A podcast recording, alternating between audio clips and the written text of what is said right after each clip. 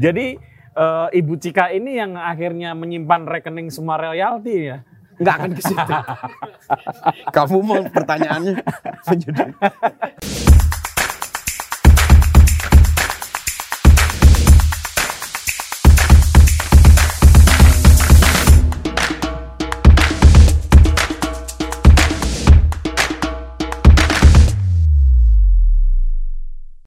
Halo teman-teman, ketemu lagi dengan saya Putut Ea, Kepala Suku Mojo. Dan pagi yang menyenangkan ini di tempat yang menyenangkan. Dan untuk datang ke sini, kami harus menempuh jarak 530 km. Jogja 12 ya. jam. Jogja ya. 12 jam. Ah. Karena muter. Oh gitu. Tidak lewat jalur selatan. Saya dulu ke Jogja berapa? Kalau mau cepat sih bisa 10 jam, Hmm. bisa 9 jam. Saya ke Jogja sebulan. Naik egrang. itu juga. Datang jauh-jauh menemui imam besar depan dalam. Ini nyebutnya ayah, tapi di kali ini saya campur-campur saja Eh, eh, lah. campur-campur lebih, aja lebih enaknya saya menyebut imam besar nih. Imam besar. Karena saya kepala suku kan ngobrolnya sama imam besar. Heeh. Ya. Saya itu imam besar yang turun level jadi imam pas Jumatan. jadi saya suka cemberut kalau Jumatan. Iya, karena diusir Karena sama diambil imam. hari. Saya imam imam yang sebenarnya. Eh, kalau Jumatan saya selalu paling depan. Sampai diusir imam Iya. gitu. Karena Padahal ke belakang udah rapat safnya. Udah rapat. Akhirnya makin keluar sudah rapat Enggak, lagi. itu kan rebutan. Kalau paling depan kan dapat unta. Nah, aku juga pengen. Oh ya ini untanya lagi dipanggil. Imam besar, saya mau mengajukan pertanyaan yang langsung serius ini. yang ini tentang Tentang begini, eh, setelah reformasi negara kesatuan Depanas Dalam kan sempat kongres. mm, Kenapa kemudian memutuskan untuk bergabung lagi dengan Indonesia atau bergabung dengan negara kesatuan Republik Indonesia? karena malas ngurusnya lagi. Dulu kan keren ya. Karena ada apa ya? Awalnya kan bikin negara itu karena saya susah ngomongnya. Karena seseorang lah ya yang menguasai negara apa ini? Indonesia. Indonesia. Terus kan pada ditangkepin teman-teman ya. Ada yang hilang juga. Akhirnya kan kok nggak mau dibantu ya gitu. Hmm. Kok nggak mau dibantu ya ma- eh, orang itu untuk untuk eh, sama-sama ngurus Indonesia ya udah kalau nggak mau dibantu saya bikin negara sendiri. Nah, itu 95 itu di ITB.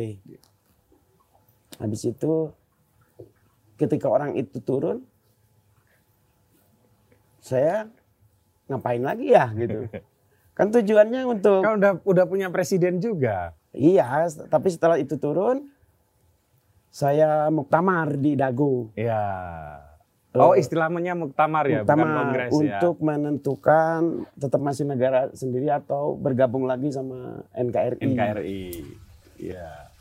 Terus Nah, ada itu- ada satu alasan orang yang bilang gabung lagi aja karena kita juga udah males ngurusnya gitu. Dulu kan asalnya negara kesatuan Republik Depanas Dalam. dalam. Setelah gabung Nah, nggak mungkin negara kesatuan Republik Depanas Dalam lagi. jadinya apa? Daerah istimewa Depanas Dalam. Oh. Setara dengan Jogja berarti. nah, habis itu habis itu saya melanglang buana lah ya. Hmm. Pas kembali lagi ke Indonesia, orang-orangnya udah nggak ada Depanas Dalam itu. L- 18 orang itu Nggak, udah warga nggak- negaranya oh, itu. udah nggak ada, Nggak ada ada di- semua. Udah ada di Jakarta, udah menikah sama orang Indonesia lah ya. ada itu, saya saya wah ini harus saya mau dirikan lagi. Ah, Tapi nggak mungkin jadi negara lagi. hmm. Ah, jadi grup band aja gitu. Oh. Karena kebetulan waktu jadi negara itu suka bikin lagu sebagai menyuarakan eh, hal-hal panas di dalam diri kami. Em, didirikanlah Depanas Dalam Band. Iya. Depanas Dalam Band. Di perjalanan lama-lama mikir, kok da- jadi sebetulnya pernah bangga Sebagai ini, anak band. ini adalah satu-satunya negara yang jadi grup band gitu. itu kan keren banget. Iya. Tapi kok band ya? Kurang keren gitu. Akhirnya saya rubah jadi bank. B-A-N-K. Depanas dalam bank. Bang. Ah, itu kan banyak uangnya ya, Ah. rasa. Wow bang. Dan saingannya BCO, Ya. Mandiri itu Depanas dalam bank. Ah, lama-lama tidak cuma ngurus ba eh, bank. Tapi bener itu ada banknya. Ya, Depanas dalam bank, bukan Hmm. band, Iya, bank. bank. Ada simpan pinjamnya gitu. Ya, Anda simpan ada uangnya kami pinjam. ada pinjam nggak ada simpan. Nah, habis itu kan, habis itu, aduh, masa cuma ngurus bank kan gitu, ngurus bank gitu. Akhirnya ngurus yang lain-lain. Hmm. Ya bikinlah pergerakan-pergerakan yang nggak tahu namanya, lebih ke daripada nganggur sih. Karena waktu itu saya lulusan apa pun tetap aja keadaannya nganggur kan, Hmm. biar dilihat orang, wah ternyata manfaat gitu. Ya udah bikin kegiatan-kegiatan masyarakat. Tapi imam besar ini kan sebetulnya nggak pernah benar-benar nganggur kan, ngajar juga ya. Diajak, Ya. diajak ngajar. Akhirnya saya mau karena karena apa ya dulu saya mau? Karena ya nggak enak aja sama tetangga di rumah terus gitu. Tapi secara akademis berarti dianggap berprestasi dong. Dalam hal Eh, ya dalam hal akademis kan Ngajar, mengajar. guru gitu. Iya, mengajar di FSRD ya. sebetulnya itu menurunkan level saya sih ya dari imam besar Sebagai jadi imam besar, jadi iya. pengajar gitu. Ah, Tapi bentar ya kopi ini dulu. iya, iya. Bentar. Wis. Wes keren. Saya berat. Nah, Ih, oke. Makasih. Wah ini ini nggak sembarang teh sama kopi nih yang menyajikan khusus imam besar. Eh, pertanyaannya kenapa saya ngajar ya? Iya, Saya- kalau nggak berprestasi akademis kan nggak mungkin diajak ngajar. Kenapa Setahu saya ya. Kenapa saya ngajar ya dulu ya? Oh, karena masih hidup waktu itu. Karena masih hidup saya ngajar. Kalau udah mati pasti nggak nggak bisa. Terus kenapa ngajar? Karena karena lupa saya sebetulnya. Saya tuh sudah lupa dengan masa lalu saya sebetulnya. Iya, karena konsentrasi dengan masa kini. Bukan, karena konsentrasi ingat Allah gitu. Oh. Jadi lupa semua. saya lebih saya tuh kayak teman saya tuh konsentrasi ingat Allah sampai lupa sholat tuh dia. Imam Itu kan- besar saya duluan ya. Esok.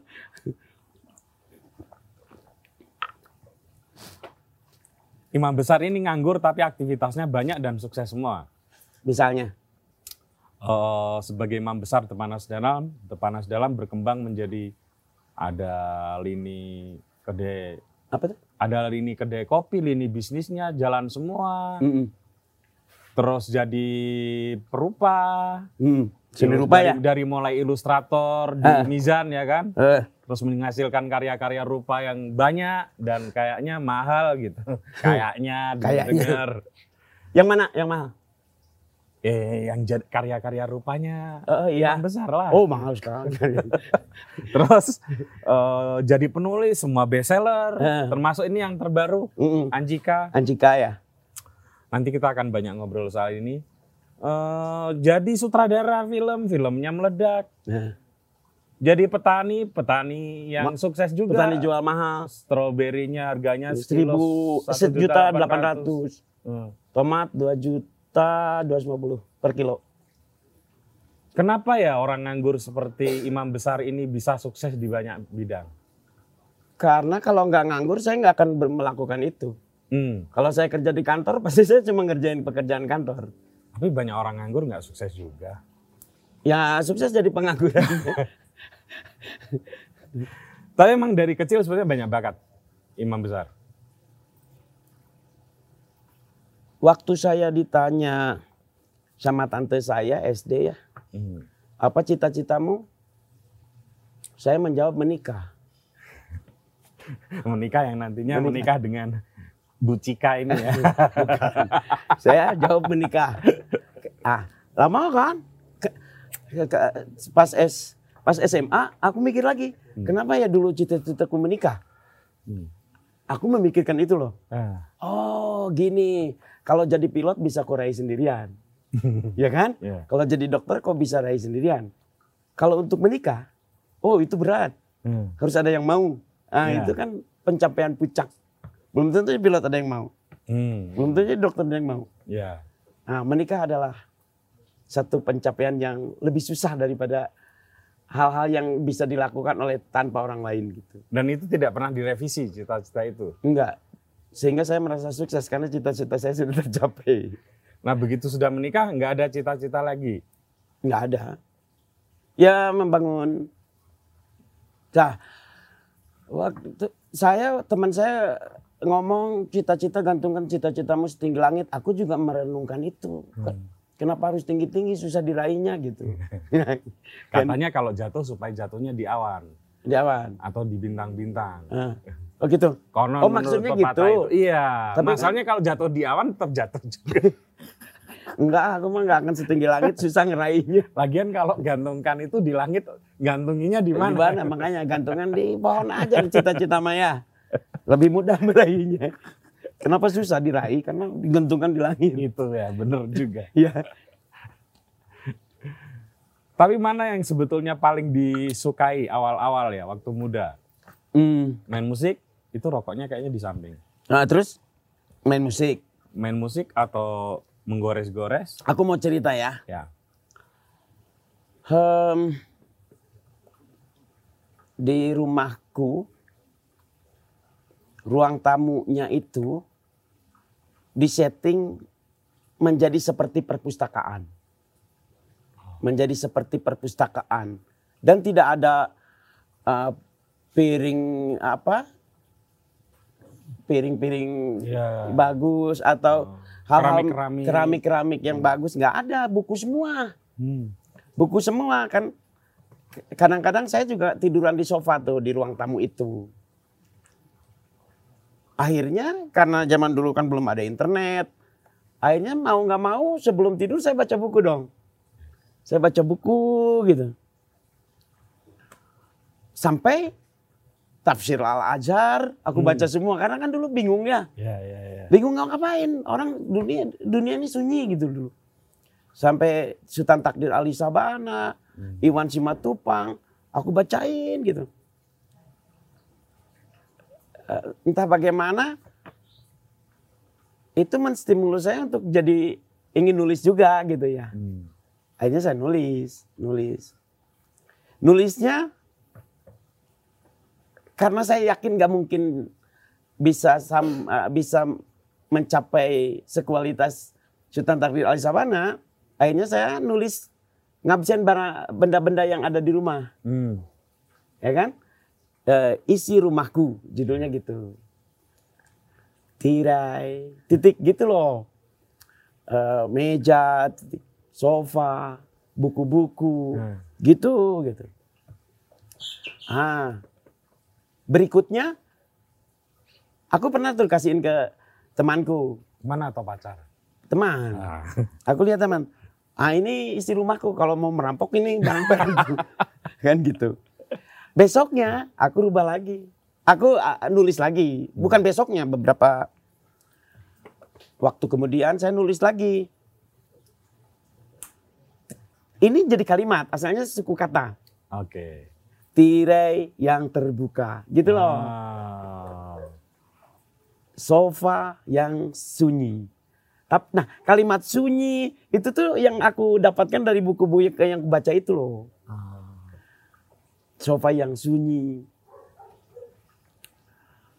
Nah, jendela terbuka. Pembantu yang lewat gitu nah mulai kalimat.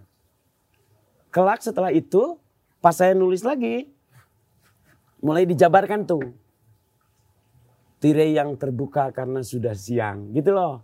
Itu SMP loh. Hmm. Setrikaan di atas meja buatan Jepang. Jepang harus terima kasih kepada pembantuku. Tanpa dia, setrikanya tak berguna. Mulai kalimat loh itu. Dan setelah saya baca, aku mentertawakan diri saya sendiri. Karena tidak se- tidak tidak memiliki kualitas sastra yang saya baca gitu. Oke. Ini apaan kok gini gitu. Tapi saya suka. Ya. Tapi saya suka gitu. Hmm. Habis itu kalau nulis ya udah gaya saya sendiri aja gitu. Saya suka kok gitu. Pernah nulis gaya-gaya Sultan Tadri Ali Sabana, kok susah ya gitu. Mungkin memang kualitas saya tidak sehebat dia gitu. Ya udahlah, aku mah yang rendahan-rendahan aja. Nanti tulisan-tulisannya tuh gitu. Saya bikin kumpulan puisi.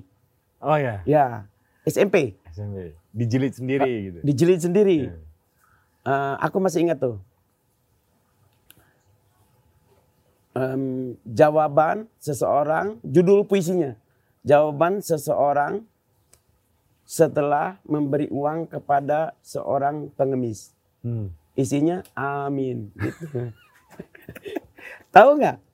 Aku ketawa baca, apaan nih puisi gitu. Kok gini gua mah gitu. Ya. Kok kok saya begini ya gitu. Menertawakan saya. Ah sudahlah memang saya memang pantasnya yang seperti itu mungkin. Hmm. SMA saya sibuk dengan ke- kenakalan saya sendiri. Itu terlupakan. Mood menulis terlupakan lah. Mood menulis terlupakan. Nah di saat yang bersamaan ketika nulis pun saya suka menggambar. Beli majalah, saya kan langganan majalah anak-anak tuh. Majalah Bobo. Saya ilustrasinya saya tutup pakai kertas. Saya ganti ilustrasi saya. Oh. Pas aku lihat, kok jelek ya? kok jelek ya gitu. Terus eh ngirim gambar ke Tino Sidin. Ah. Kok nggak pernah dibahas, nggak pernah dimuat ya gitu. Ah memang saya memang nggak ada. Nggak pernah dibilang Ya, bagus. Nggak pernah. Ya sudahlah, saya mah gini gitu. Akhirnya kelak di SMA itu pun terlupakan, menggambar. Ada lagi, menyanyi. Hmm. Saya bikin lagu dengan kata-kata yang yang ngaco gitu. Misalnya, aku masih ingat tuh lagunya. Ada kodok menghampiri ke tempatku, aku makan. Ada harimau menghampiri ke tempatku, ku dimakan. gitu. Nah, pas aku nyanyi, kok lagu saya gini ya gitu. Mentertawakan diri lagi, mentertawakan diri saya lagi. Kok saya berbeda ya gitu sama, kok atau kok saya nggak bisa ya seperti orang-orang yang keren-keren bikin lagu gitu. Kok saya nggak bisa ya gitu. Hmm. Ah.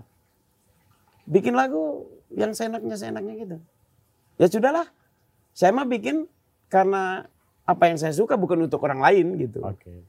Ya udah, udah. Tapi di SMA lagi-lagi terlupakan gitu loh. Terlupakan. Itulah masa-masa saya sudah tidak lagi, bukan tidak lagi sebetulnya mungkin masih tertarik dengan menulis, bikin lagu, tapi tapi tersita waktunya dengan sering Bersama ugal-ugalan di jalan Ya. gitu. Pas di kampus lah itu. Ah, pas SMA lah su- sudah mulai bikin. Nah, di SMA mungkin karena ada perempuan pacar, Hmm. akhirnya eh, menulis muncul lagi terstimulus. Nah. Bikinlah puisi-puisi. Ah, pada masa SMP mah kan nggak ada yang merespon. Nah di SMA direspon. Ada yang ngomong gini. Puisinya berbeda, unik. Oh, ngerti nggak maksudnya? Iya. Eh, gitu loh aku. Puisinya keren, nggak beda sama yang lain. Nah itulah mulai titik-titik Apalagi yang, Seolah-olah saya apalagi yang muji cewek ya. ah, gaya ungkap, gaya bahasa, Iya. eh, pola itu nggak seperti puisi-puisi pada umumnya. Yang diajarkan di SMA. Eh, eh, ngaco-ngaco ngaco. Aku juga pas nulisnya ketawa kalau ada orang yang mentertawakan karyaku waktu itu. Aku juga tertawa. Kasihin ke orang. Ada yang bilang unik beda. Nah, nah itu yang membuat saya sedikit wow beda ya. Hmm. Kok lain dari yang lain? Itu juga saya terima kasih ke orang-orang yang bilang begitu. Hmm. Eh, di SM terus menggambar, mulai menggambar, menggambarnya juga menggambar yang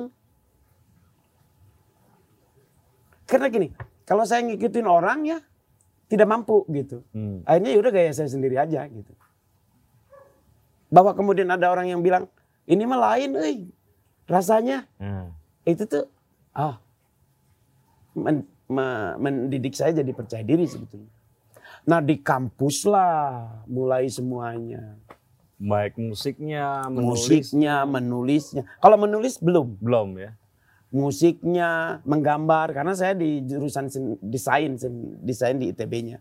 Jadi saya menggambar. Nah karena menggambar itulah saya bekerja di penerbit Mizan. Ya, kenapa itu? Jadi ilustrator. Kenapa memutuskan untuk menjadi ilustrator di Mizan? Karena diajak oleh senior saya Andi Yuda. Jadi kayaknya Anda ini nggak ada motif-motif Nggak ada ekonomi motivasi, ya? nggak ada. Saya diajak, gini, Bidi mau nggak jadi ilustrator? Oh ilustrator ya, ayo gitu, ayo aja. Misalkan nggak jadi ilustrator, kenapa saya ayo aja? Meskipun nggak jadi ilustrator pun nggak apa-apa hidup saya aman-aman aja. Aman-aman aja. Nggak jadi penulis juga aman-aman aja gitu. Jadi nggak ada nggak ada gairah untuk uh, wannabe writers nggak Ya. ada nggak ada. Banyak orang merasa di hidup ini merasa insecure, nggak aman dengan hidupnya, nggak aman dengan cita-cita yang pernah dipilihnya, Hmm. nggak aman dengan karir yang sudah diputuskannya. Hmm. Ke apa yang membuat imam besar itu merasa tidak perlu mencemaskan itu semua? Karena kalau ada misalnya kalau nggak berhasil jadi pilot pun langit nggak akan runtuh, ibu saya tetap yang itu gitu. Hmm. Mau eh, jadi pilot juga tetap aja ibuku yang itu gitu. Jadi Terus- nggak ada ketakutan misalnya nanti kalau saya menikah apakah bisa menghidupi keluarga, apakah calon mertua saya mau, gitu-gitu nggak ada ya? Kalau saya kayak gitu? berpikir seperti itu sebelum lahir mungkin saya memutuskan tidak lahir. ya, untung saya nggak berpikir. Saya Nggak, mah- ini kebanyakan orang kan, Eh. termasuk saya kan mikirnya kayak gitu. juga. saya lakukan aja nanti kalau saya saya perbaiki. Ah, Saya lakukan aja kalau misalnya gagal ya udah tinggalkan gitu. Kalau kalau saya gitu. Nah, pas jadi ilustrator itu kan saya harus baca naskah dong. ya. Pas baca naskah ya saya punya hak juga menilai ya. Ini Betul. bukan berarti menganggap tulisannya itu buruk. Mungkin bagi orang lain memang bagus ya, tapi buat saya Ya. yang dulu tulisannya ngaco, Ya. pas baca itu Hmm. kok nggak rame ya gitu Hmm. loh kok aduh mak- maksudnya aku nggak suka gitu mungkin ini buku bagus lah di luar ya Tapi tidak. tapi untuk secara di- pribadi untuk saya nggak Ya, gitu Oke. aduh kok gini ya gitu saya bilang saya nulis deh gitu Hmm. Dan jadilah Drunken Master itu. dan jadilah drunken monster Drunken Master. drunken monster itu Hmm.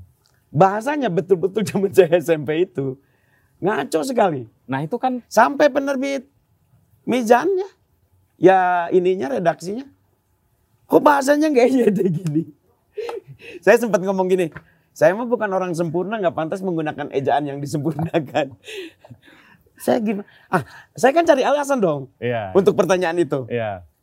Gini saya biasalah cari-cari dali untuk diterbitkan kan gitu gini kalau ada dua teks proklamasi yang satu print out dengan font terbagus di komputer dengan motif-motif yang bagus dan berwarna-warni Eh.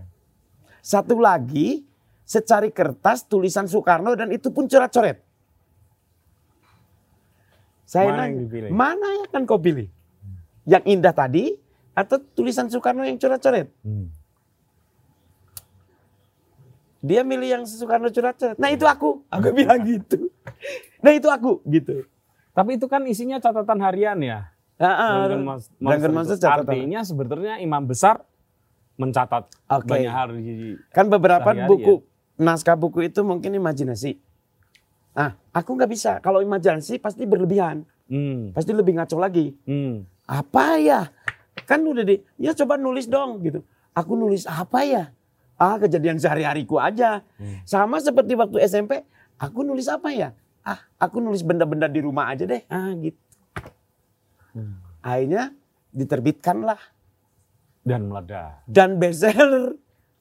Setelah bestseller, kok bestseller ya? Aku juga. Oh, bestseller ya gitu. Terus dapat royalti. Oh, dapat uang ya gitu. Ah. Padahal masa itu aku nggak berpikir uang. Oh, dapat uang ya? Hmm. Ah gitu. Dah. Habis itu karena bestseller suruh bik- bi- mau aku bikin lagi deh gitu. Oke. Bi- bikin lagi gitu. Terus sampai empat, Empat ya. sampai empat. Tadinya mau banyak. Tapi kan aku malu sama Allah ya. Allah juga cuma bikin empat kitab ya. Masa aku melebihi Allah nggak boleh. Jadi ya Injil, Jabur, Taurat. Ya Allah aja empat gitu. Itu kelak jadi pemikiran saya kalau bangun rumah.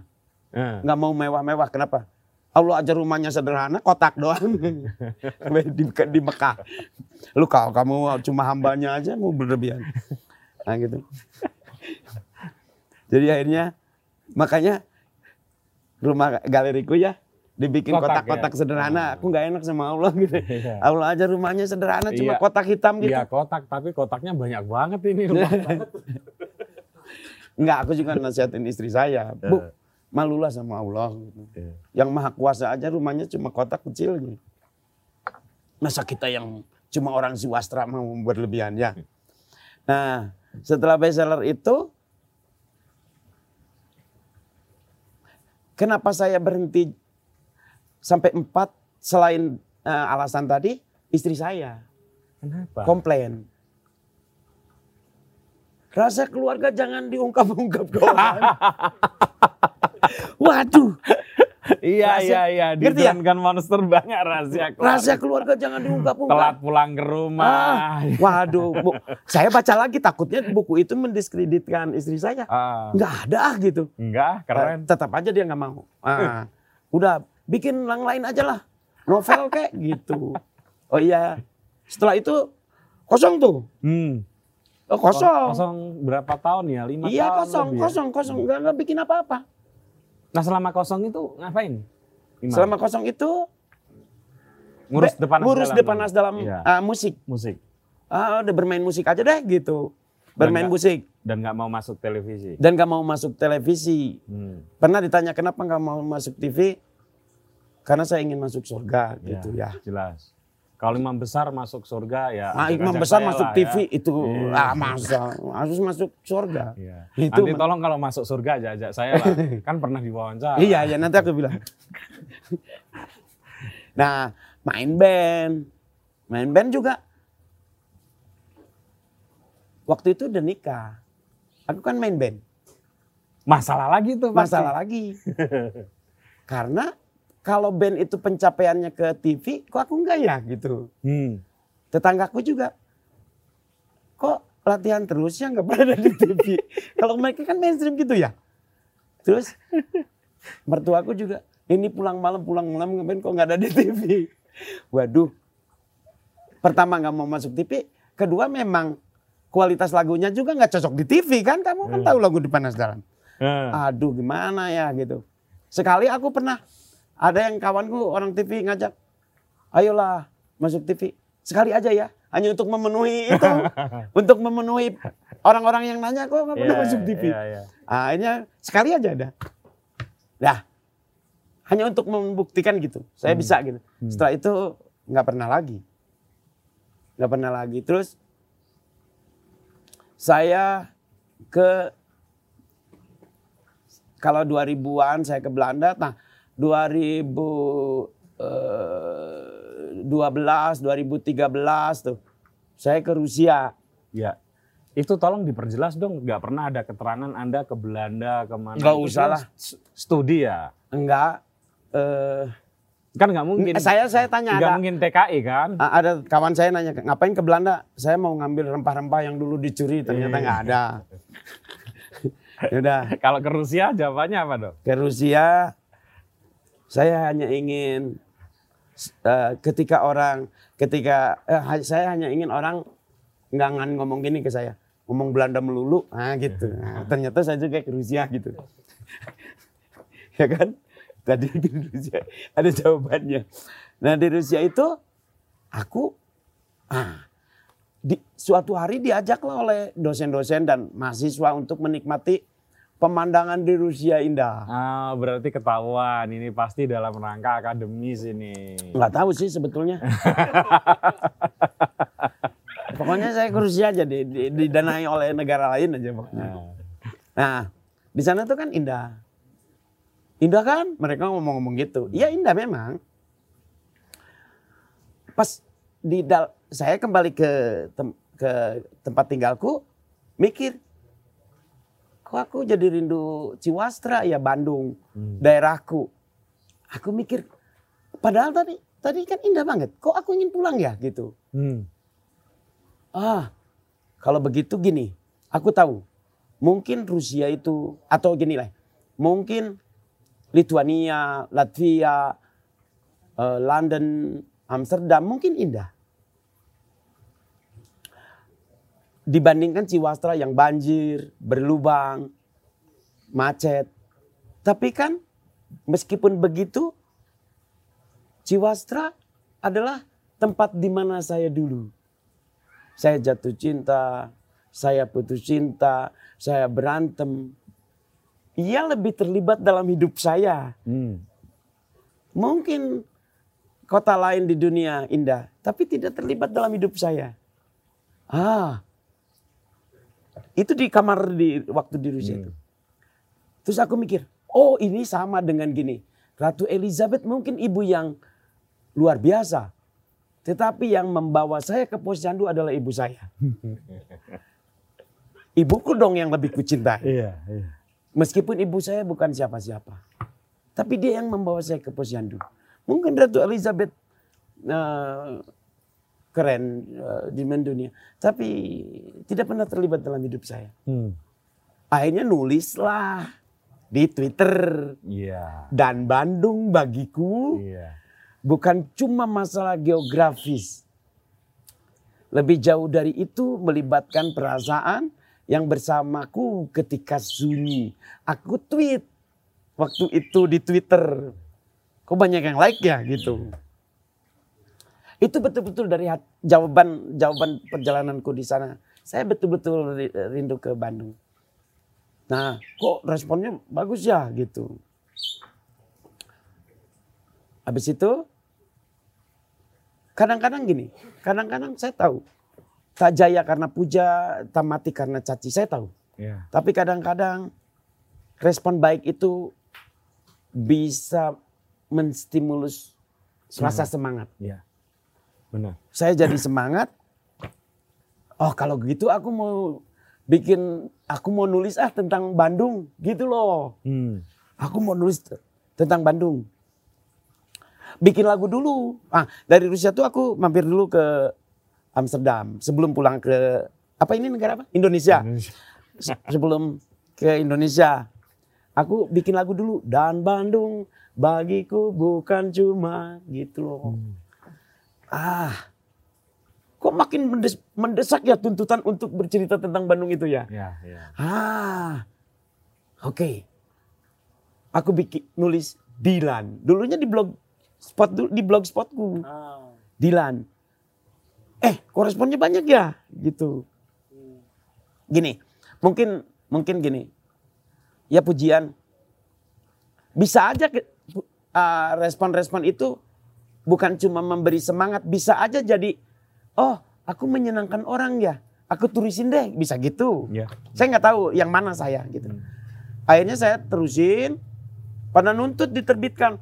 Itu pada saat di blogspot semua penerbit nelpon saya. Kecuali Mizan. Kecuali Mijan karena tahu pasti bakal ke penerbit Mijan. kan tahu, dia tahu. Ah, suatu hari pas di Blogspot penerbit Mican datanglah ke kantor ke tempat saya, ke tempat kumpul saya. Ya, di markasnya. Bukan di markas teman. Oke. Terus terbitin dong Dilan karena pada saat itu penerbit lagi apa? Nyungsep. Nyungsep banyak lah, Hmm. nyungsep semua, nggak besar. Ya udah terbitin aja gitu, diterbitin dan bestseller. Oh, bestseller ya, gitu. Ya saya sih respon saya gimana pas bestseller? Saya nggak bisa menganggap itu biasa-biasa aja gitu. Ya. Saya senang walaupun royaltinya masuk rekening istri ya. Saya saya senang-senang aja. Ah, gini, kadang-kadang bis, saya saya curiga, saya saya curiga gini. Masa sih saya butuh pujian gitu? Ah mungkin aja sih, saya juga manusia biasa. Iya. Tapi pasti ada yang lain dari itu deh. Apa ya? Jangan-jangan ada motivasi saya ingin menyenangkan orang bisa. Hmm. Udahlah saya bikin eh, bener-bener bikin deh tentang Dilan ini terusin diterbitin. Dan ya ketika bestseller udah selesai. Asli saya nggak maksudnya setelah itu ya sudah selesai lah nanti berpikir lagi tentang nulis tema lain kan. Ya. Tapi kan saya punya Twitter.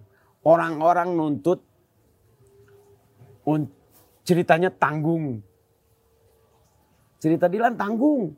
Banyak sekali. Oh gitu ya.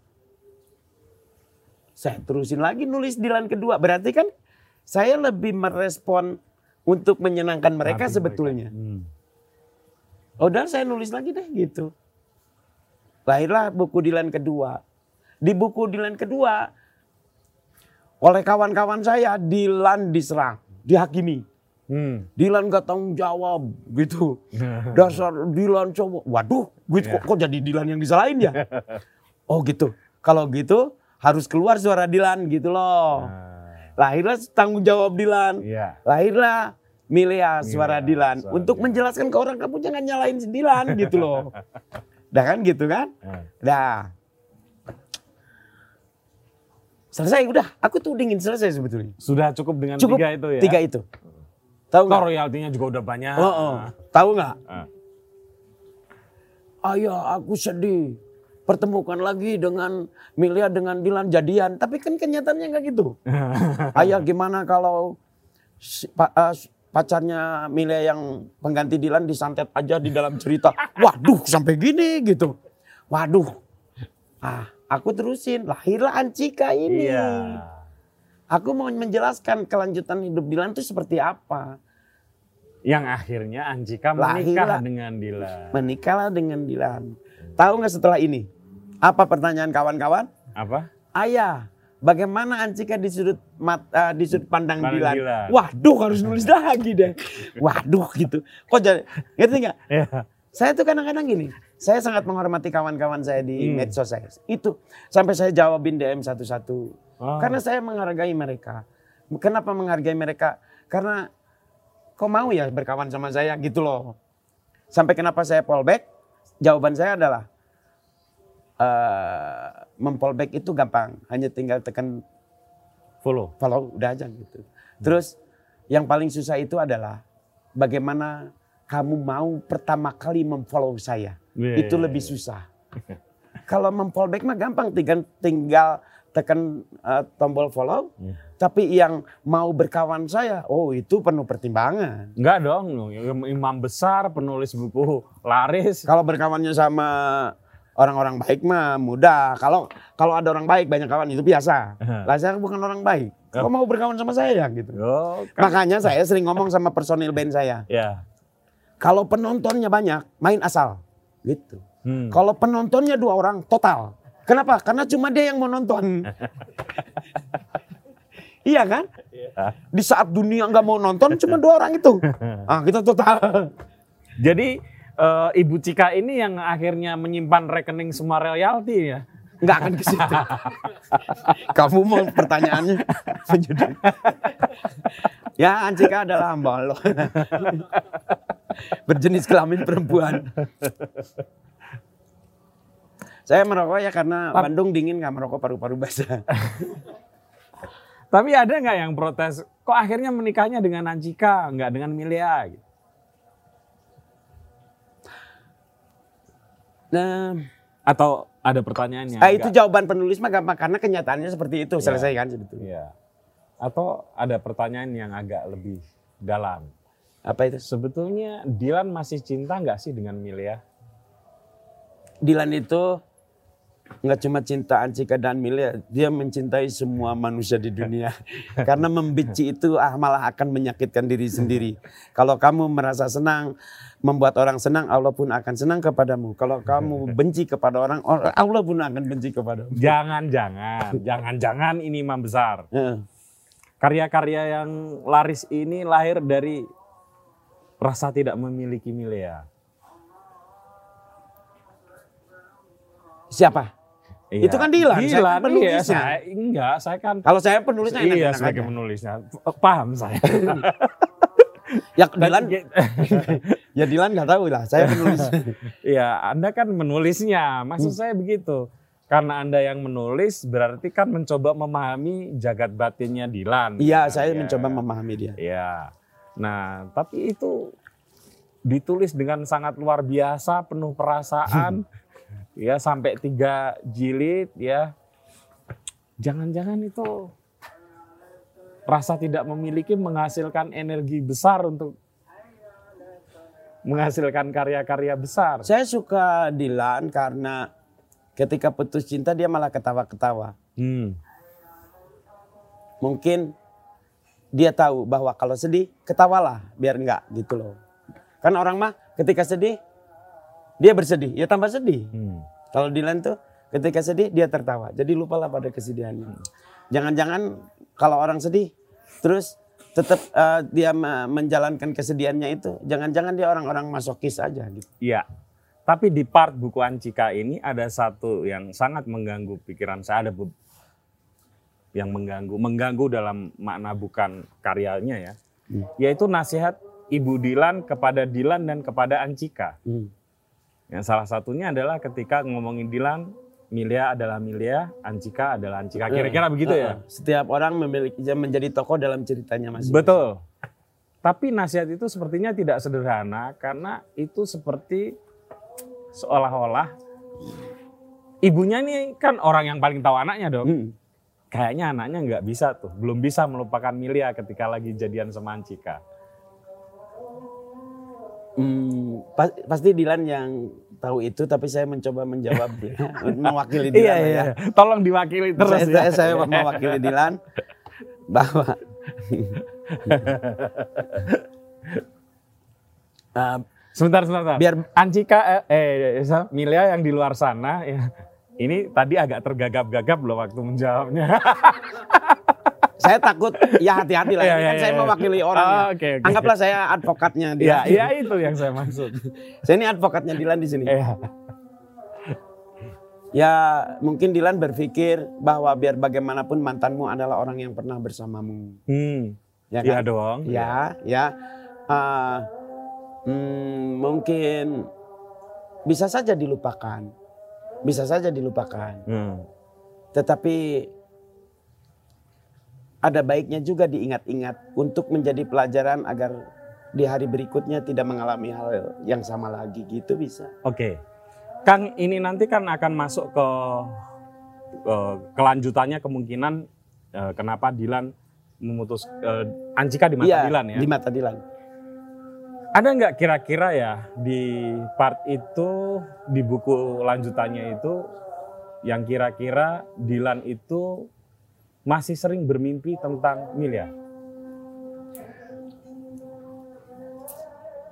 Ad, em, saya belum tahu nanti baca aja sendiri. Sebagai orang yang sedang mempersiapkan Dilan eh, Ancika di mata Dilan, saya kan boleh lah ngorek-ngorek sedikit. Karena biasanya Saya- saya- saya- saya- cinta yang terdalam itu muncul lewat mimpi-mimpi. saya pikir Dilan tidak akan seperti itu Tidak ya. ya? Tidak. Oke. Karena Dilan punya mungkin sama prinsipnya dengan beberapa orang yang bilang bahwa masa lalu adalah urusan perasaan. Masa depan adalah urusan pemikiran. Oke. Oke, masih ada di perasaan, tapi kan otak saya harus memikirkan masa depan. Itu otak. Tapi perasaan kan sering muncul lewat medium-medium seperti mimpi atau kenang-kenang-kenangan. Mimpi mah di otak, nggak di perasaan. ya, Iya, hal-hal terdalam kan biasanya keluar dari situ. Biasanya. mung- tapi saya pikir Dilan bisa menanggulanginya dengan menanggulanginya dengan baik. Terutama tidak menceritakannya. atau sebagai pengalamannya sendiri gitu. Dilan, saya kagum ke dia karena dia bisa menanggulanginya dengan baik. Dia bukan orang yang overthinking. Hmm. Dia bukan orang yang apa namanya memikirkan hal yang nggak perlu-perlu gitu. Dia orang yang maju ke depan gitu aja. Hmm. Dia orang yang seperti itu. Nah akhirnya Ini bukan orang yang ini, yang lalu biarlah berlalu. Tapi kalau ada kesempatan bertemu lagi, ah, bukan orang yang bukan seperti orang itu. yang seperti itu. Ya. Saya kira ya, pasti bukan orang yang seperti itu. Iya. Tapi yang saya omongkan kan bukan itu sebetulnya. Apa? Tapi masih ada yang tersisa di kedalaman hati sana. Seperti buku ya. Seperti buku mungkin dalam perjalanan hidup ini.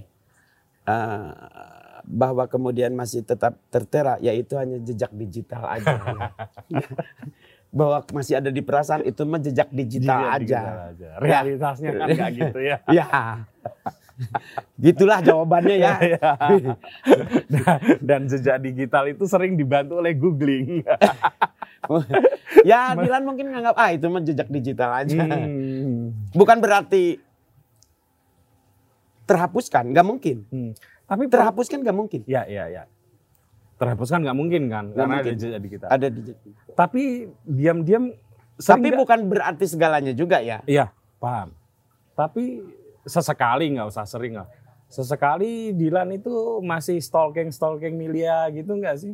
Kayaknya nggak mungkin dia seperti itu. Enggak ya, bukan. Bukan. Bukan orangnya seperti itu. Saya sebagai pembelanya ya, harus tangguh ini.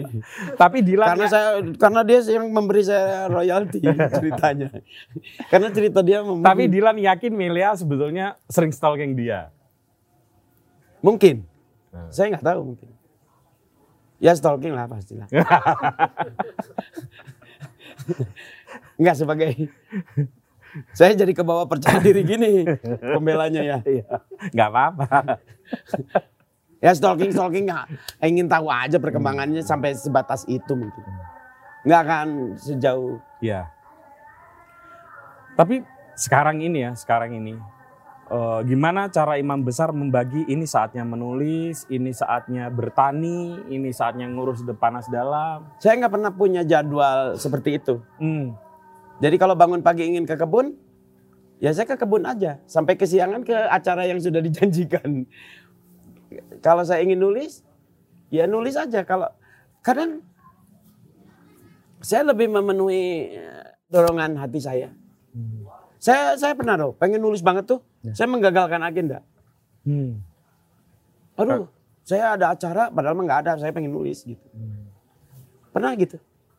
Jadi ketahuan deh orang-orang yang saya gagalkan agendanya. Ya maaflah saya seperti itu. ya kalau nggak suka dengan saya ya jangan bikin agenda dengan saya. saya itu kan seperti hujan. Hmm. Hmm. Kalau nggak suka ya ya. silakan berteduh. Eh, sebagai seorang penulis, khususnya ya, kalau yang Drunken Monster kan itu sebenarnya banyak catatan harian. Hmm. Tapi kalau kayak Dilan, Milea, dan kemudian Ancika ini, apa pers- ada persiapan-persiapan khusus nggak untuk bahannya? Selain kenangan ya. Ya data lah, survei. Tanya nanya-nanya pelaku, Nanya Dilan gitu nanya ya. Dilan, Nah, wawancara sama Dilan gitu. wawancara sama Dilan. Yang itu dilakukan di kamar dengan bercermin gitu. Enggak lah. Enggak ya. Kadang kadang setelah itu di setelah dari Dilan konfirmasi dulu sama Milea. Iya. Hmm, Nanti akan dicoret-coret pasti. Oke. Yang Ancika juga sama. Hmm. Yang paling lebih banyak dicoret-coret sama Ancika ini. Iya. Karena tidak mau rahasianya banyak di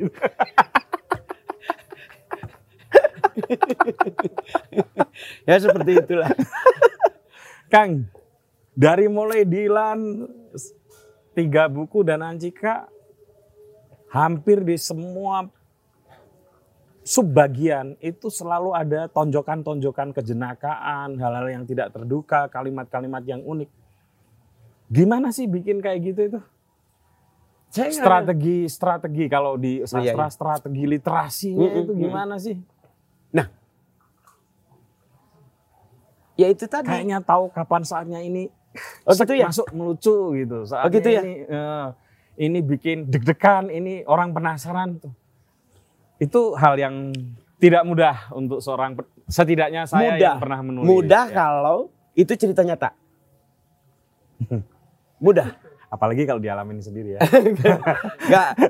mudah kalau itu cerita nyata mudah. Lah iya, apalagi Lah, kalau udah, dialamin sendiri. Deg-degannya udah ada terjadi ya tinggal kutulis saja. Iya. Lah kejadian jenakanya udah terjadi ya tinggal kutulis saja. Hmm, Ah, saya mah tinggal nulis saja. Enak. enak. Iya. Ber- berarti kan wawancaranya pasti mendalam banget dong. Oh iya, Oh iya kan? survei. Survei. Hmm. Dan beberapa royalti juga saya kasihkan ke yang ngasih apa? Para pelaku Hmm. yang memang terlibat di buku itu. Oh, yang terlibat di buku itu. Iya. Ya, tidak dikasih ke Dilan kan? Jedilan ke semua. Ya, semua orang lah manusia, anak yatim. Ya, Emang kalau Milia dapat nih? Dapat. Oh ya, Ya dapat. itu tidak membuat Ya karena memang itu hak dia juga ya. Itu kan cerita dia. Oh gitu ya. Senang senang atau gimana tuh Milia dapat itu? Manusia siapa pun kayaknya kecuali yang sudah meninggal senang dapat uangnya. Iya. Ya. Dia dia dia nggak ngomong terusin dong nulis aku gitu. Enggak, Enggak. mungkin. Oh nggak mungkin. Enggak mungkin. Miliannya nggak mungkin atau Dilannya nggak mungkin. Eh, imam besarnya nggak mungkin menulis Milia lagi. Ya sayanya. Maksudnya aduh. Kan saya kan sudah ku bilang tuh, sebetulnya pengen satu. Hmm. Jadi kalau ada orang yang kau ad- kalau ada orang yang ngomong, kok Dilan terus sih? Jangan salahin saya orang saya dituntut terus gitu. Betul, betul. Ngerti nggak? Saya juga pengen yang lain gitu. Iya, iya. Tapi ya sudahlah, aku terusin aja deh gitu. Waktu buku pertama, kedua, ketiganya itu Ancika kan udah jadi Dilan, ah, udah jadi istrinya Dilan. Heeh. Cemburu nggak sih dia? Kayak Ya ke Milia lah, masa cemburu ke yang lain? kayaknya Dilan tidak akan Nggak Ancikanya. Nah, Dilan tidak akan menikahi Ancika seandainya Ancika selalu mempersoalkan masa lalu. Oh, oke. Ya, mungkin dia milih Ancika pun karena itu juga. Iya, iya, iya. iya. Ah, mungkin Dilan juga pernah ke seseorang sebelumnya mungkin. Hmm, Ah, tapi ia selalu mempersoalkan masa lalunya ya dia juga pergi kan gitu. Iya. Dan nanti baca deh di buku Suara Dilan.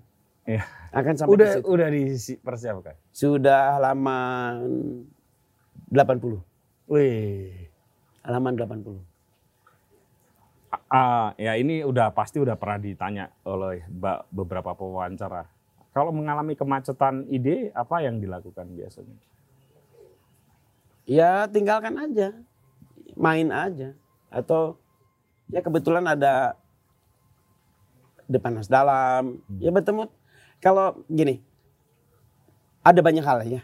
Hmm. Kalau misalnya stuck dengan yang satu.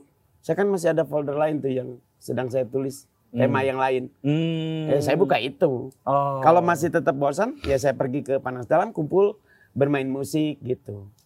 Atau ke kebun. Itulah enaknya kalau banyak hal. Hmm. Makanya saya tuh lebih nggak ma- bukan nggak mau ya. Sering lebih suka mengaku petani Hmm.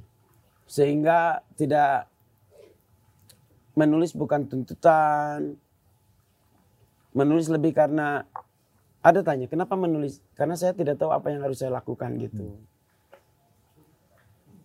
Jadi saya lebih suka disebut petani sih sebetulnya. Sekarang Sehingga ini. kalau jadi kalau disebut sebagai petani kan tulisannya jelek nggak akan malu ya. Kalau dikenal sebagai penulis tulisan jelek kan Hmm. malu. Tu- tulisan Kalau petani itu kan enak. Ya. kalau tanamannya busuk semua, kenapa? Ya udah takdir Allah gitu kan enak. tulisan jelek itu soal jelek bagus itu kan soal selera orang membaca. Tapi yang tidak bisa dibantah adalah jumlah eksemplar terjual. Hmm. Itu nggak bisa menafsirkan yang lain tuh. Tunggal tuh. Ya, ya kan? ya mungkin karena saya memenuhi keinginan orang itu mungkin Oh ya. gitu ya. Iya kan? Hmm. Kan terusin dong. Hmm. Nah, ya karena memenuhi bisa jadi, bisa jadi. Ya, ya, ya. Walaupun eh, ketika nulis mah saya melepas diri dari selera mereka ya. Oh ya. Oke, eh, kalau gitu ngikutin pasar dong.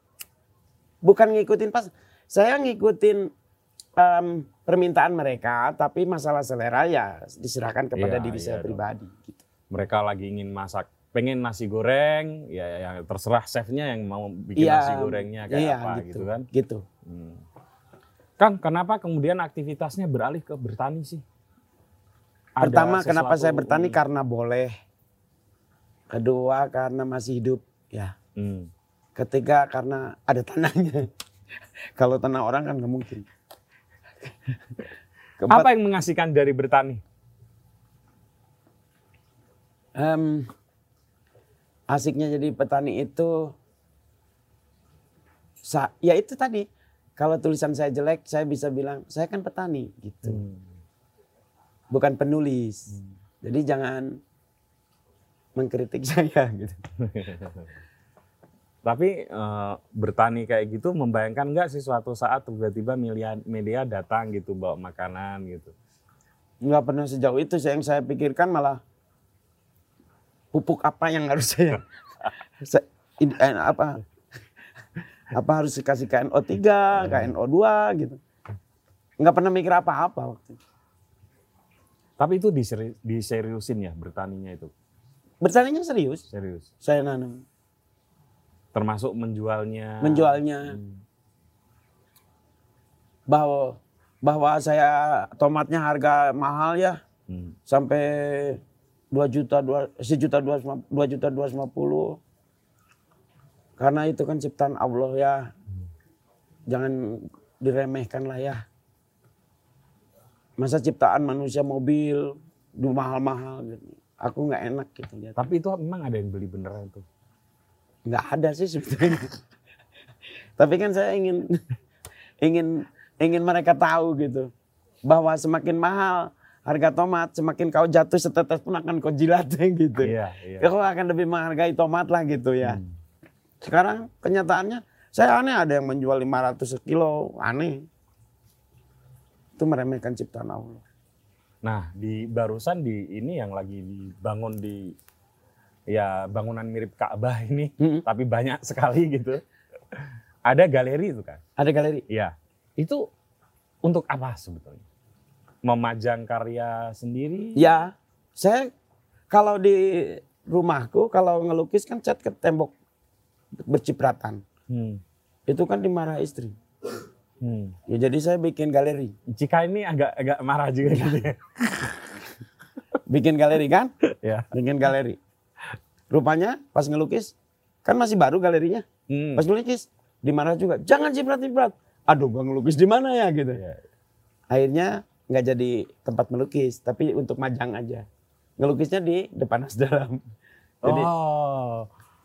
Jadi saya hanya menyesuaikan diri aja.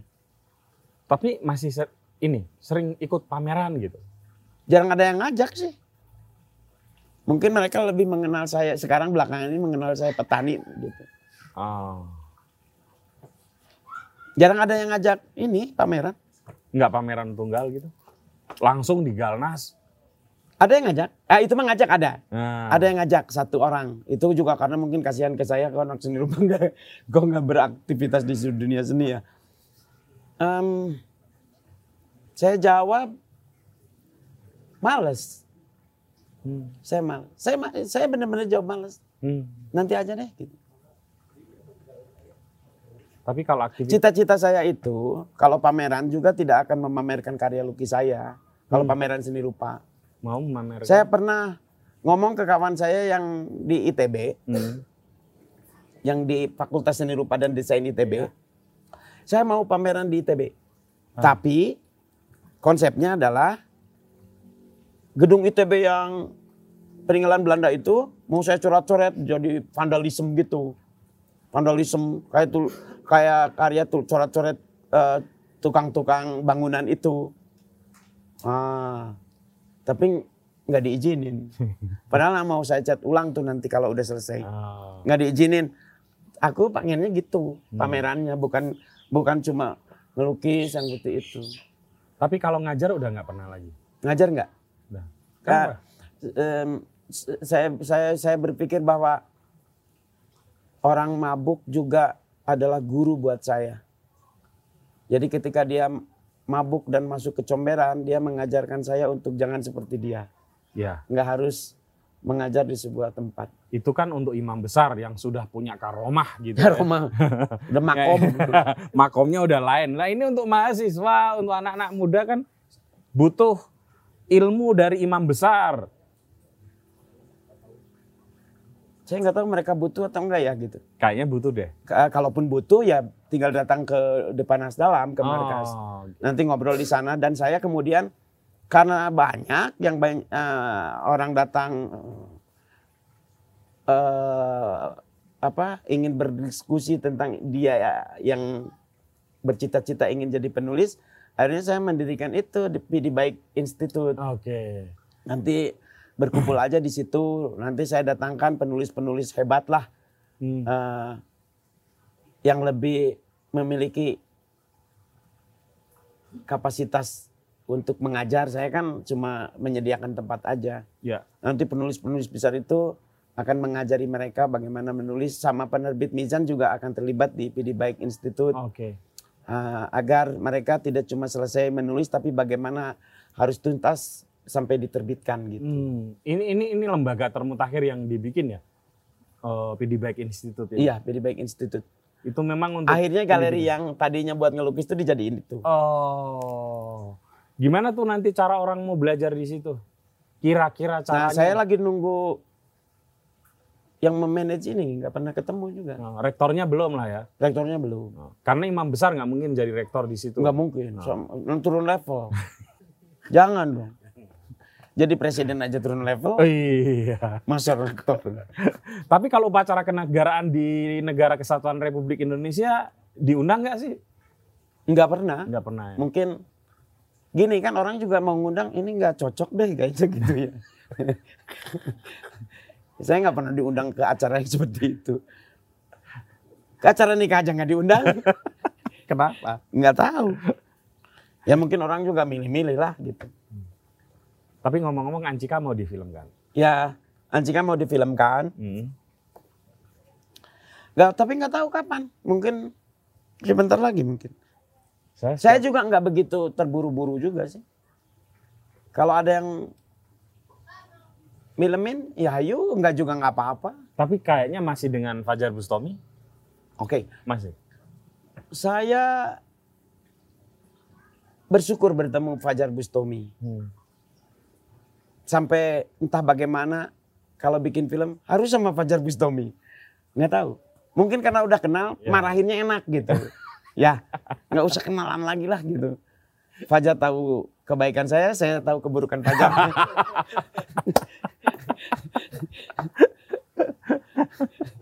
ya saya ingin dengan Fajar Bustomi. Berarti Ancika ini masih dengan Fajar Bustomi. Saya sering ngomong ke Fajar Bustomi. Hmm. Jar tetap dengan aku ya sampai di surga nanti. Nah, berarti sampai di Dilan sama Ancika punya anak nanti diceritain Ah. itu juga masih kalau di film Sama Fajar Bustomi aja. Bustomi. Jadi nanti dari mulai film remaja, pacaran, Bukan. film pernikahan jadi film rumah tangga. Harus Fajar Bustomi. Tapi belum belum belum belum belum breakdown. Karena kan ke- kesannya gimana gitu. Kalau Fajar Bustomi datang ke Bandung tuh, ayah datang Fajar, kesannya harapan baru gitu. Fajar Bustomi sama Fajar Bus malam. Tapi tokoh Ancika ini belum ada gambaran siapa yang akan jadi pemain filmnya. Belum. Belum.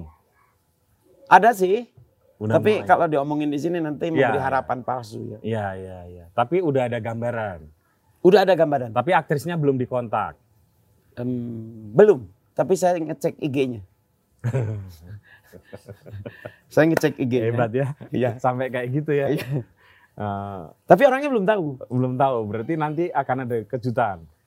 Enggak Tapi kejutan. dia dia dia Enggak kejutan maksudnya kalau dikasih tahu sekarang kan bisa aja berubah. Oh, oke. Nah, kalau udah ngasih janji ke orang kemudian nggak ditepati kan sakit hati. Apakah dia aktris yang sudah cukup punya nama atau enggak? Dia punya nama atau enggak ya? Saya kurang saya juga ngelihat followernya ya. Ah. Bes- Malam inilah aku cari lihat followernya berapa. Tapi dia pemain film. Em, dia apa ya? Perupa, penari. Dia tuh apa ya? Saya nggak pernah kalau nggak pernah menelaah lebih jauh cuma cuma visualnya aja. Ini cocok nih. Ini cocok nih. Ada tiga orang sebetulnya. Ah. Jadi yang di luar sana pasti deg-degan nih, jangan-jangan Ya, saya yang saya masuk. sering ngecek IG. Follower saya bahkan saya cek juga. Hmm, hmm. Saya cek follower untuk dijadikan jika tidak ancika un- eh, bisa untuk jadi pemeran pendukung. Ah, Saya cek semua. karena ada Indri gitu kan. Ada Indri Iya. gitu. Saya ingin pemeran pendukungnya adalah follower saya. Hmm. Karena kalau udah dekat dengan saya, saya ngasih instruksi pun enak gitu ya. Ya, ya. Tapi kalau ke orang yang belum kenal kan agak saya nggak suka berbahasa basi gitu. Tapi kalau udah kenal kan nanti wow enak. Oh iya, imam besar itu nggak suka berbahasa Nggak basi. ya? suka. Atau suka berbahasa basi tapi tidak enak rasanya gitu. Hmm. Ya kan? Kalau melihat ditanya, diwawancara, sering bercanda gitu, ternyata nggak suka bahasa basi ya. Hmm, inginnya nggak basa-basi tapi saya tahu ada norma di masyarakat. Iya. Jadi saya saya yang sekarang berbeda dengan saya saya yang dulu. Saya yang dulu adalah orang yang tidak peduli dengan apa pendapat orang. Tapi sekarang saya sudah tidak bisa seperti itu. Saya mulai berpikir mengapa? Akhirnya jawabannya adalah karena semakin tua orang semakin konvensional gitu ya. Ya, Dilan pun bisa konvensional ya. Menangis saat mau meninggalkan Ah. anaknya untuk ditinggal studi di Belanda ya kan? semua orang mungkin ya itu. Iya.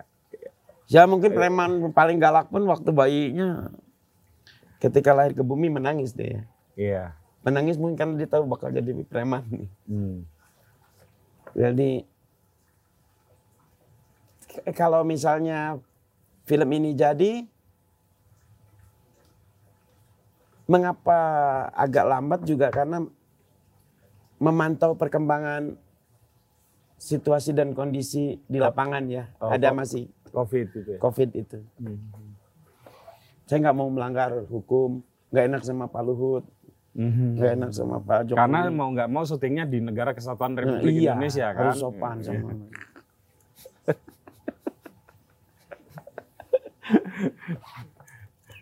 Kang, ada nggak sih perasaan setelah selesai menulis begitu ya dan diserahkan ke penerbit merasa ini kok karya saya rasanya masih kurang gitu sehingga harus saya tambah harus saya sempurnakan gitu. Pasti, ya pasti imam Pasti. besar mengalami itu juga mengalami. apa yang biasanya dilakukan Oh di tulisan yang berikutnya nggak akan gitu, gitu, gitu aja. janjinya gitu Kan saya tuh gitu, lakukan, lakukan, lakukan gitu aja. Hmm. Nanti ya perbaiki aja di garapan berikutnya, gitu aja sih. oh tapi nggak pernah misalnya udah masuk ke meja redaksi ada part yang disusulin Kecuali prinsip, oke misalnya ada salah tulis gitu. oh ya ya, ya, ya, ya, itu saya harus. Kalau nambah cerita Oh, enggak, gitu enggak. enggak ya? Nambah enggak. informasi gitu Enggak. enggak, ya? em, tiba-tiba ada salah, betul-betul fatal, fatal itu, Hmm. Pasti harus diperbaiki. Hmm. Karena menyangkut banyak orang. Misalnya, yang paling pertama yang saya takutkan adalah, aduh menyinggung orang nggak ya gitu. Oh gitu ya. Selalu. Aduh nyinggung orang nggak ya gitu. Setelah itu ada banyak hal yang saya hmm, koreksi juga. Tapi yang paling utama adalah nyinggung orang nggak ya, nyinggung suku nggak ya, nyinggung. Karena tapi jika itu terjadi sekarang mungkin saya memberitahu, tak ada maksud apa-apa gitu. Iya. Tidak maksud. Karena sejak awal The Panas Dalam sudah pluralis ya kan? Pluralis. Ya, De panas dalam THE-nya ateis, ateis, Pak-nya paganisme, pagan. Nasnya Nasrani, Dan-nya Hindu Buddha, Lamnya Islam. Dan yang The baik Panas Dalam. adalah yang menraktir imam besar. Apa pun agamamu, yang paling baik adalah yang yang traktir saya. Tapi kalau sekarang imam besar udah nggak perlu ditraktir ya kan? Royaltinya udah banyak. Saya ingin selalu ditraktir orang karena untuk menunjukkan bahwa saya nggak punya uang. Karena si Bobby suka minjem uang ke saya. Bob, aku juga ditraktir gitu loh jadi punya alasan. si Bobby Ciwastra. Herder masih kan? Hah? Herder yang sering diomong-omongin itu. Oh, dulu punya herder namanya Ah. kucing. Kucing. Sekarang punya herder namanya kakak. Oke. Teman saya kan dipanggil kakak juga tuh. Saya senang kalau dia ke sini. Jadi saya kakak, jadi semuanya nengok. Kalau yang kucing itu di- nggak dipanggil anjing. Kalau itu namanya PT Jaya EE Mandiri. PT Jaya Jaya EE Mandiri. Jadi, panggilnya Piet. Terakhir Kang, Eh, sudah satu jam lebih. Eh, setelah bertani kira-kira apa aktivitas selanjutnya imam Nah, besar ini? saya itu nggak pernah punya jadwal. Sama sekali tidak pernah punya rencana. Maksudnya gini, oh nanti gini gini gini. Biasanya, biasanya nanti orang yang saya mah cuma ngasih ide, nanti orang itu yang mau yang meresponnya. Hmm. Bagaimana ya kalau ketemu ini ya? Oh ya udah gitu, jalan. Saya cuma ngasih ide aja. Apa?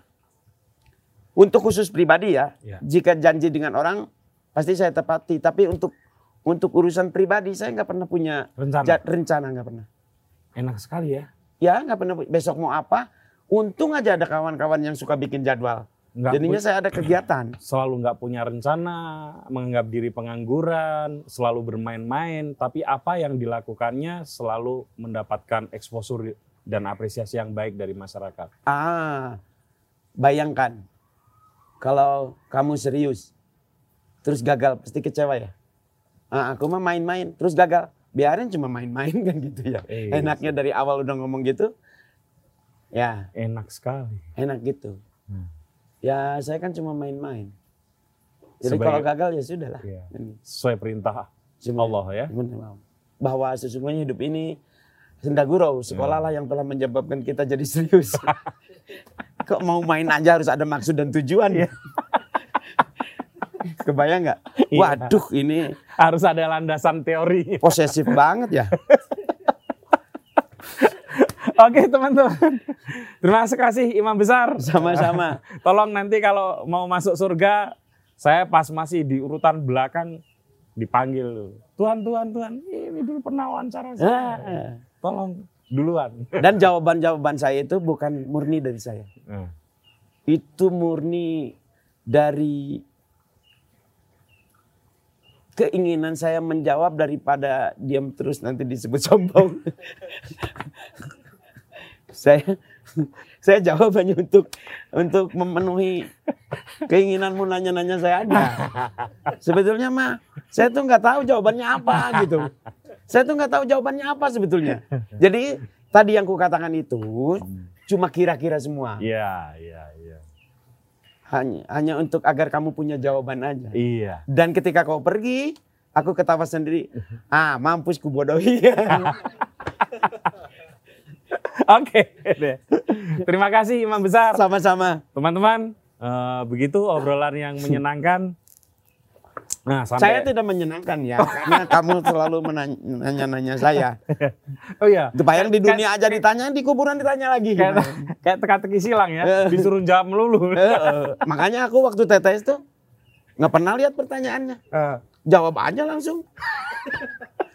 Karena nggak mau ditanya. Enggak, ini kan TTS sudah aku beli. Ngapain kau nanya-nanya lagi kan? Hmm. Em, ada lima kotak saya jawab mobil. Eh, Enggak lihat jawaban, enggak lihat pertanyaan. Ah, udah itu, aku penasaran kan pertanyaannya apa nih, gitu kan? Aku pe- pas mobil itu, pertanyaannya nama pohon di Kalimantan apa gitu? Aku jawab, tapi kan nanti kalau ditebang diangkut mobil. Jadi saya cari-cari alasan gitu. Oke. Wah ya setidaknya menarik bagi saya dan menyenangkan berada di ruang seperti ini. Siapa tahu saya dan kru Mojo ketularan energi main-mainnya yang mendatangkan rezeki Amin. bukan hanya buat eh, imam besar tapi buat banyak orang lah. Banyak orang. Iya. Sampai timur-timur. Iya. Karena mantan. Oke, sampai ketemu lagi dengan tamu saya selanjutnya. Makasih, Ya, imam besar. Sama-sama. Makasih.